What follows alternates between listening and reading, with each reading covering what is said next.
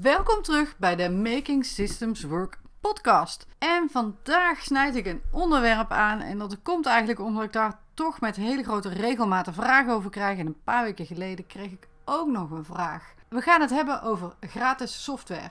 Dat is namelijk bijna altijd als ik een vraag krijg over software. Weet jij, heb jij geen tip voor een e-learning systeem, voor een website hosting, voor projectmanagement tool, voor een CRM systeem? En dan komt daar achteraan, als het even kan, gratis. Het lijkt soms wel alsof online ondernemers niet willen investeren in software, of in elk geval zo min mogelijk. En ik zeg het maar meteen een beetje bot, dat is dom en in sommige gevallen zelfs oliedom. Ik weet het is niet heel erg populair om dat zo te zeggen, want gratis is toch fijn en we zijn en blijven Nederlanders en dan houden we dus van gratis. Ik ken het allemaal, maar goede software kan alleen in de lucht blijven als er mensen aan blijven ontwikkelen en werken. En dus als anderen ook betalen.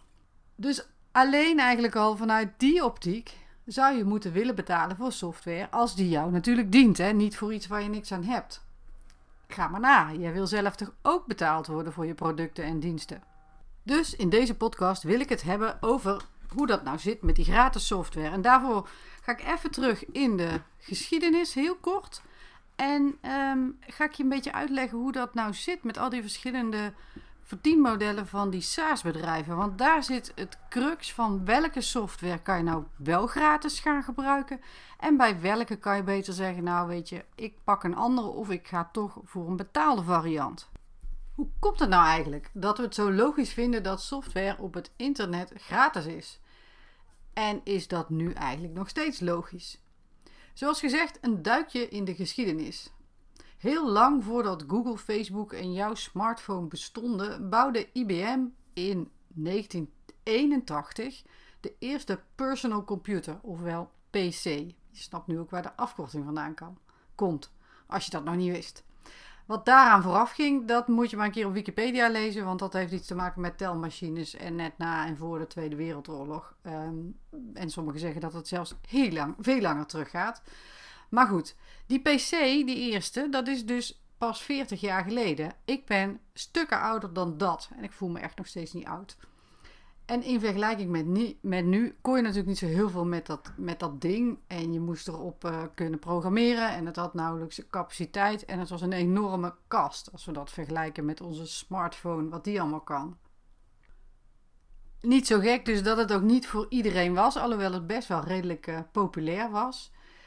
Maar zoals je weet, sindsdien zijn de technologische ontwikkelingen echt super, super, super snel gegaan. En kwam er ook meer uniformiteit in de besturingssystemen en de interfaces. Dus de schermen waar jij naar kijkt, die werden steeds gebruiksvriendelijker.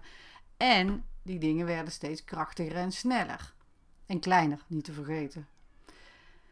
En toen in 1983 het huidige internet ontstond, dus dat is je hebt aan de ene kant de apparaten en aan de andere kant het internet. Was dat, dat was vooral nog voor de overheid en het onderwijs. Maar tien jaar later, in 1993, werd dat ook opengesteld voor bedrijven en particulieren. En uh, Pizza Hut was blijkbaar in 1994, let wel, hè, zo lang is dat niet geleden, het eerste bedrijf dat er commercieel gebruik van maakte.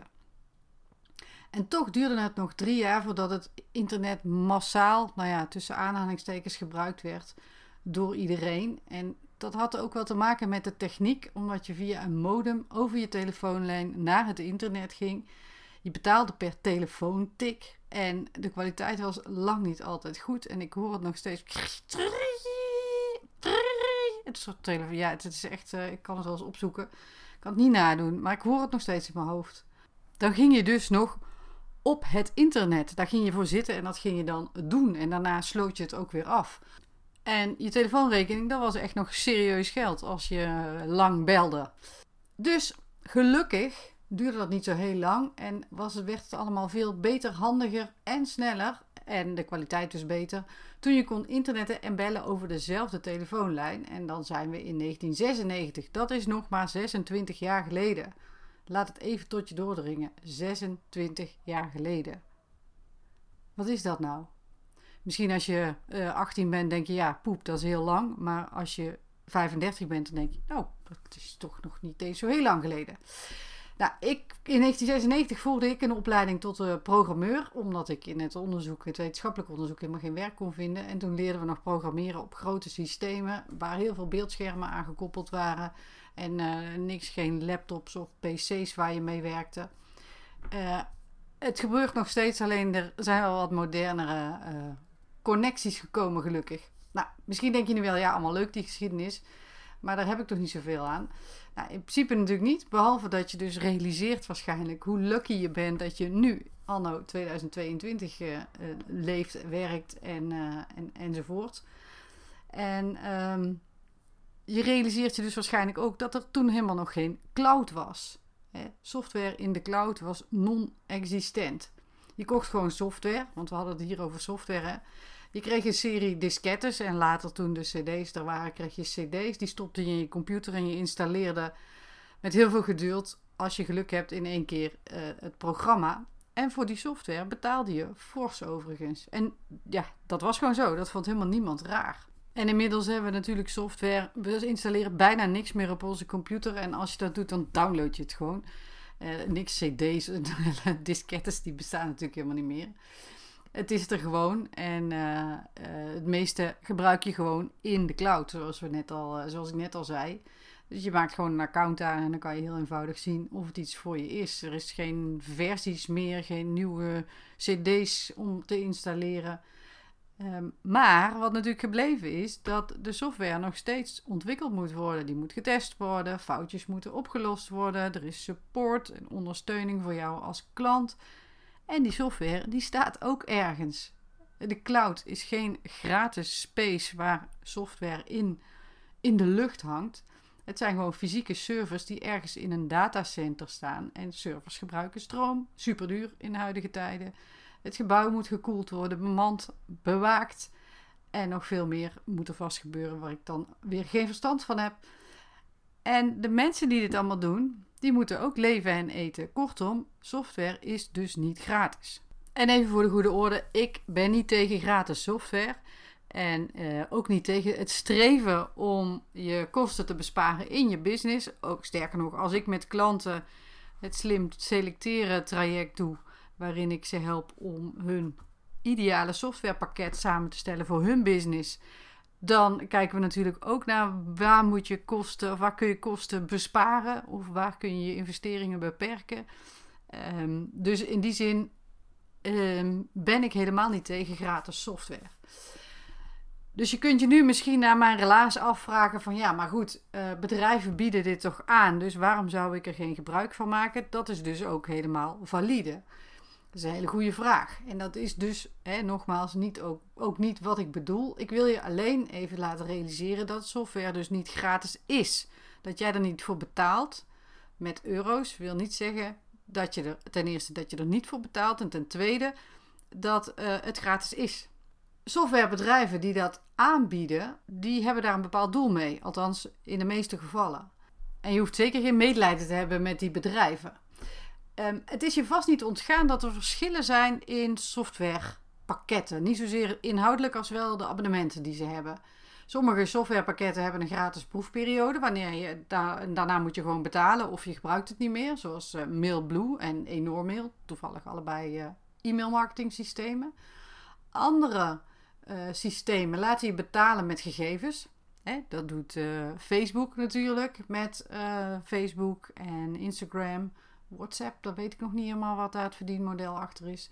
En Google, idem dito. Dus dat zijn de grote bedrijven. En weer andere bedrijven hebben de zogenaamde Product-led Growth strategie omarmd. En die is in de software, de SaaS-wereld, al een tijdje in zwang. En dat betekent dat ze in feite hun product de marketing doen. En dat zijn de bedrijven of de softwarepakketten waar je een gratis account kan aanmaken en die ook betaalde abonnementen aanbieden. Als jij een gratis account aanmaakt, dan uh, kun je het pakket leren kennen, daar kun je gratis mee werken, maar daar zitten extra mogelijkheden in de betaalde abonnementen. En soms is dat dat je meer mogelijkheden krijgt of dat je ermee kan samenwerken met anderen of dat je een watermerk kan uh, laten verwijderen. Nou ja, goed, er zijn allerlei varianten van. En dat zijn heel vaak de dingen die het leven of het ondernemen net wat makkelijker maken of wat efficiënter. En uh, dat is dan vanuit de gedachte, nou, weet je, ons product is zo goed en als mensen er zoveel profijt van hebben, dan gaan ze ook uiteindelijk over, of in ieder geval een deel gaat over naar betaling. Maar het is net als met gewone marketing funnels. Dan moet je dus heel veel mensen hebben die een gratis account hebben, die daarvoor vrienden uitnodigen, collega's die uh, gaan samenwerken met anderen in die tool. Nou, dat is wat er gebeurt als je een product-led growth strategie hanteert. Je kunt hierbij denken aan bedrijven als uh, Trello en Asana en Canva, maar er zijn er inmiddels heel erg veel. Dan zijn er nog twee andere categorieën. Je hebt nog open source software en niet alle open source software is gratis. In de basis is de software gratis, maar de implementatie en de inrichting kan soms wel betaald zijn. Maar meestal betekent dit dat er een, dat er een groep mensen is die er enthousiast over is en die heel graag werkt aan deze software. Of vanuit een uh, idealisme of op gebied van inhoud of gewoon vanuit de, de, de gedachte van software moet gewoon gratis zijn. Die mensen zijn er. WordPress is een hele grote daarvan. Dus WordPress is in de basis gratis, maar er zit natuurlijk zoveel omheen waar jij voor betaalt. Maar de WordPress zelf, daar betaal je niet voor. En dan zie je ook nog software, dat zijn vaak uh, hele specifieke kleine pakketjes waar uh, advertenties op de site staan. En daarmee wordt dan uh, een deel of het helemaal, weet ik niet, gefund. Waarschijnlijk herken je dit wel in grote lijnen. En dan vraag je je misschien af van ja, oké, maar wanneer kies ik dan voor gratis software en wanneer niet? Want toch vind ik het wel fijn als ik niet zoveel hoef te betalen. Vooropgesteld dat over het algemeen de investeringen prima te doen zijn. Als je een beetje een normale business hebt, dan is het mogelijk om software te kiezen die bij jou past. Als jij een CRM-pakket, dus een Customer Relation Management pakket, nodig hebt voor jouw bedrijf om bij te houden, hè, de, de sales funnel daarin onder wil brengen en bijhouden welke leads en klanten je hebt, dan is dat voor een webbouwer die, la, pak een beetje 40, 50 klanten heeft, is dat een heel ander verhaal dan voor een marketingbureau met 15 medewerkers die heel veel klanten hebben misschien. Kijk ook in ieder geval naar de software die bij je past. Als de bedragen, als jij een, een, zeg maar een eenpitter bent en je werkt met een paar teamleden. En uh, de bedragen zijn zo dat je denkt: wacht even, dit lijkt wel voor een groot bedrijf. Dan zal dat in de meeste gevallen ook zo zijn. En kan je, als dat niet zo is, beter schakelen naar een andere leverancier.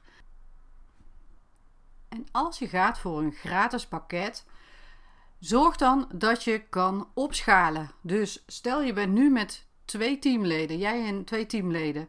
En uh, je pakket wat je kiest, laten we het even bij het CRM-systeem houden. Dat uh, staat toe dat je twee teamleden toegang geeft. Dat matcht nou. Maar als je 15 uh, mensen toegang wil geven, inclusief klanten bijvoorbeeld, dan ga je meer betalen. Of dan ga je juist betalen. En dit is dan nog de gratis variant.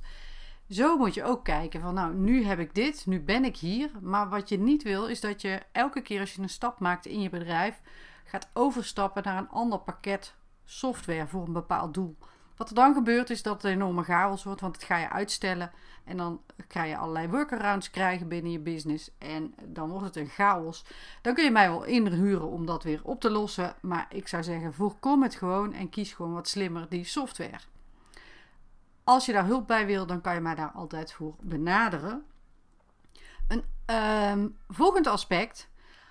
Als jij nou zegt, nou, eh, allemaal leuk en aardig, dat hele verhaal over die mensen die ook moeten eten en drinken. Eh, ik wil gewoon alles met gratis software doen. Dan ga je waarschijnlijk een lappendeken van softwarepakketten in je bedrijf creëren of onderbrengen.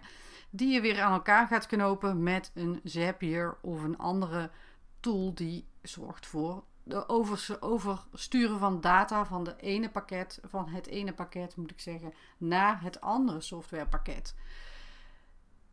In feite introduceer je daarmee best wel wat complexiteit, risico op fouten, ehm, de kans dat samenwerkingen, dat het in samenwerkingen lastiger is, omdat het lastiger is voor iemand om te snappen hoe dat het binnen jouw business werkt.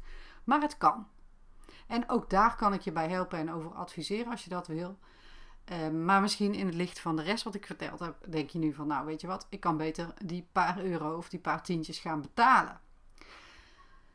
Wat je natuurlijk altijd mee kan nemen, en dan, dan hou ik op, want ik kan hierover blijven praten. Wat je daarnaast mee kan nemen in je afwegingen, is of je software heel vaak gaat gebruiken of maar een paar keer. Als je nou zegt, ja weet je, ik gebruik dat twee keer per maand of één keer per jaar of één keer per kwartaal dan snap ik dat je de investeringen, of tenminste dat je in ieder geval zo goed kijkt naar wat de kosten en de baten. Dat doe je altijd, maar in zo'n geval is het dan slimmer om misschien te kijken naar een basis, bazaal pakket wat ook kan wat je nodig hebt en wat je niets of maar heel weinig kost. Dus mijn advies is: kijk naar die bedrijven die ook echt tot doel hebben om jou eh, met een gratis versie goed te ondersteunen. Die het heel fijn vinden als een deel van hun klanten gaat betalen. Maar ga niet naar pakketten waar heel veel reclame bij is. Of waar je ehm, heel veel ingewikkelde dingen moet doen. Sommige open source pakketten zijn prima als je weet hoe je ermee moet werken. Maar heel vaak moet je dan zelf toch best wel wat kennis in huis hebben om dat in de lucht te krijgen en te houden. misschien is WordPress daar wel een voorbeeld van. Sommige mensen vinden dat echt heel erg ingewikkeld. Het is niet slecht, maar weet waar je aan begint. Dan de dingen met reclame. Blijf alsjeblieft daarvan weg als het een structureel bijdraagt aan het runnen van jouw business. Dus, samenvattend, als je op zoek gaat naar nieuwe software of vervanging van een softwarepakket dat niet helemaal meer voldoet, bedenk dan of gratis software wel helemaal past en zet het niet bovenaan je lijst met criteria. Past het? Helemaal prima. En zo nee, aarzel dan ook niet om te investeren, als het, zeker als het op de langere termijn beter is voor je business en de groei van je bedrijf. Wil jij nu hulp bij het selecteren van jouw ideale toolset? Dat kan. Stuur me een berichtje en dan gaan we gewoon in gesprek. Dit was hem weer voor deze aflevering. Best een lange aflevering geworden volgens mij. Vond jij het nu leuk wat je hoorde in deze podcast? Ik zou het heel tof vinden omdat of in ieder geval om iets van je te horen, stuur me een DM op LinkedIn of op Insta of uh, deel het uh, in de comments. En je mag natuurlijk ook altijd deze podcast met anderen delen, zodat zij daar eventueel ook profijt van kunnen hebben. Voor nu wens ik je een hele fijne dag, avond of nacht en tot een volgende aflevering.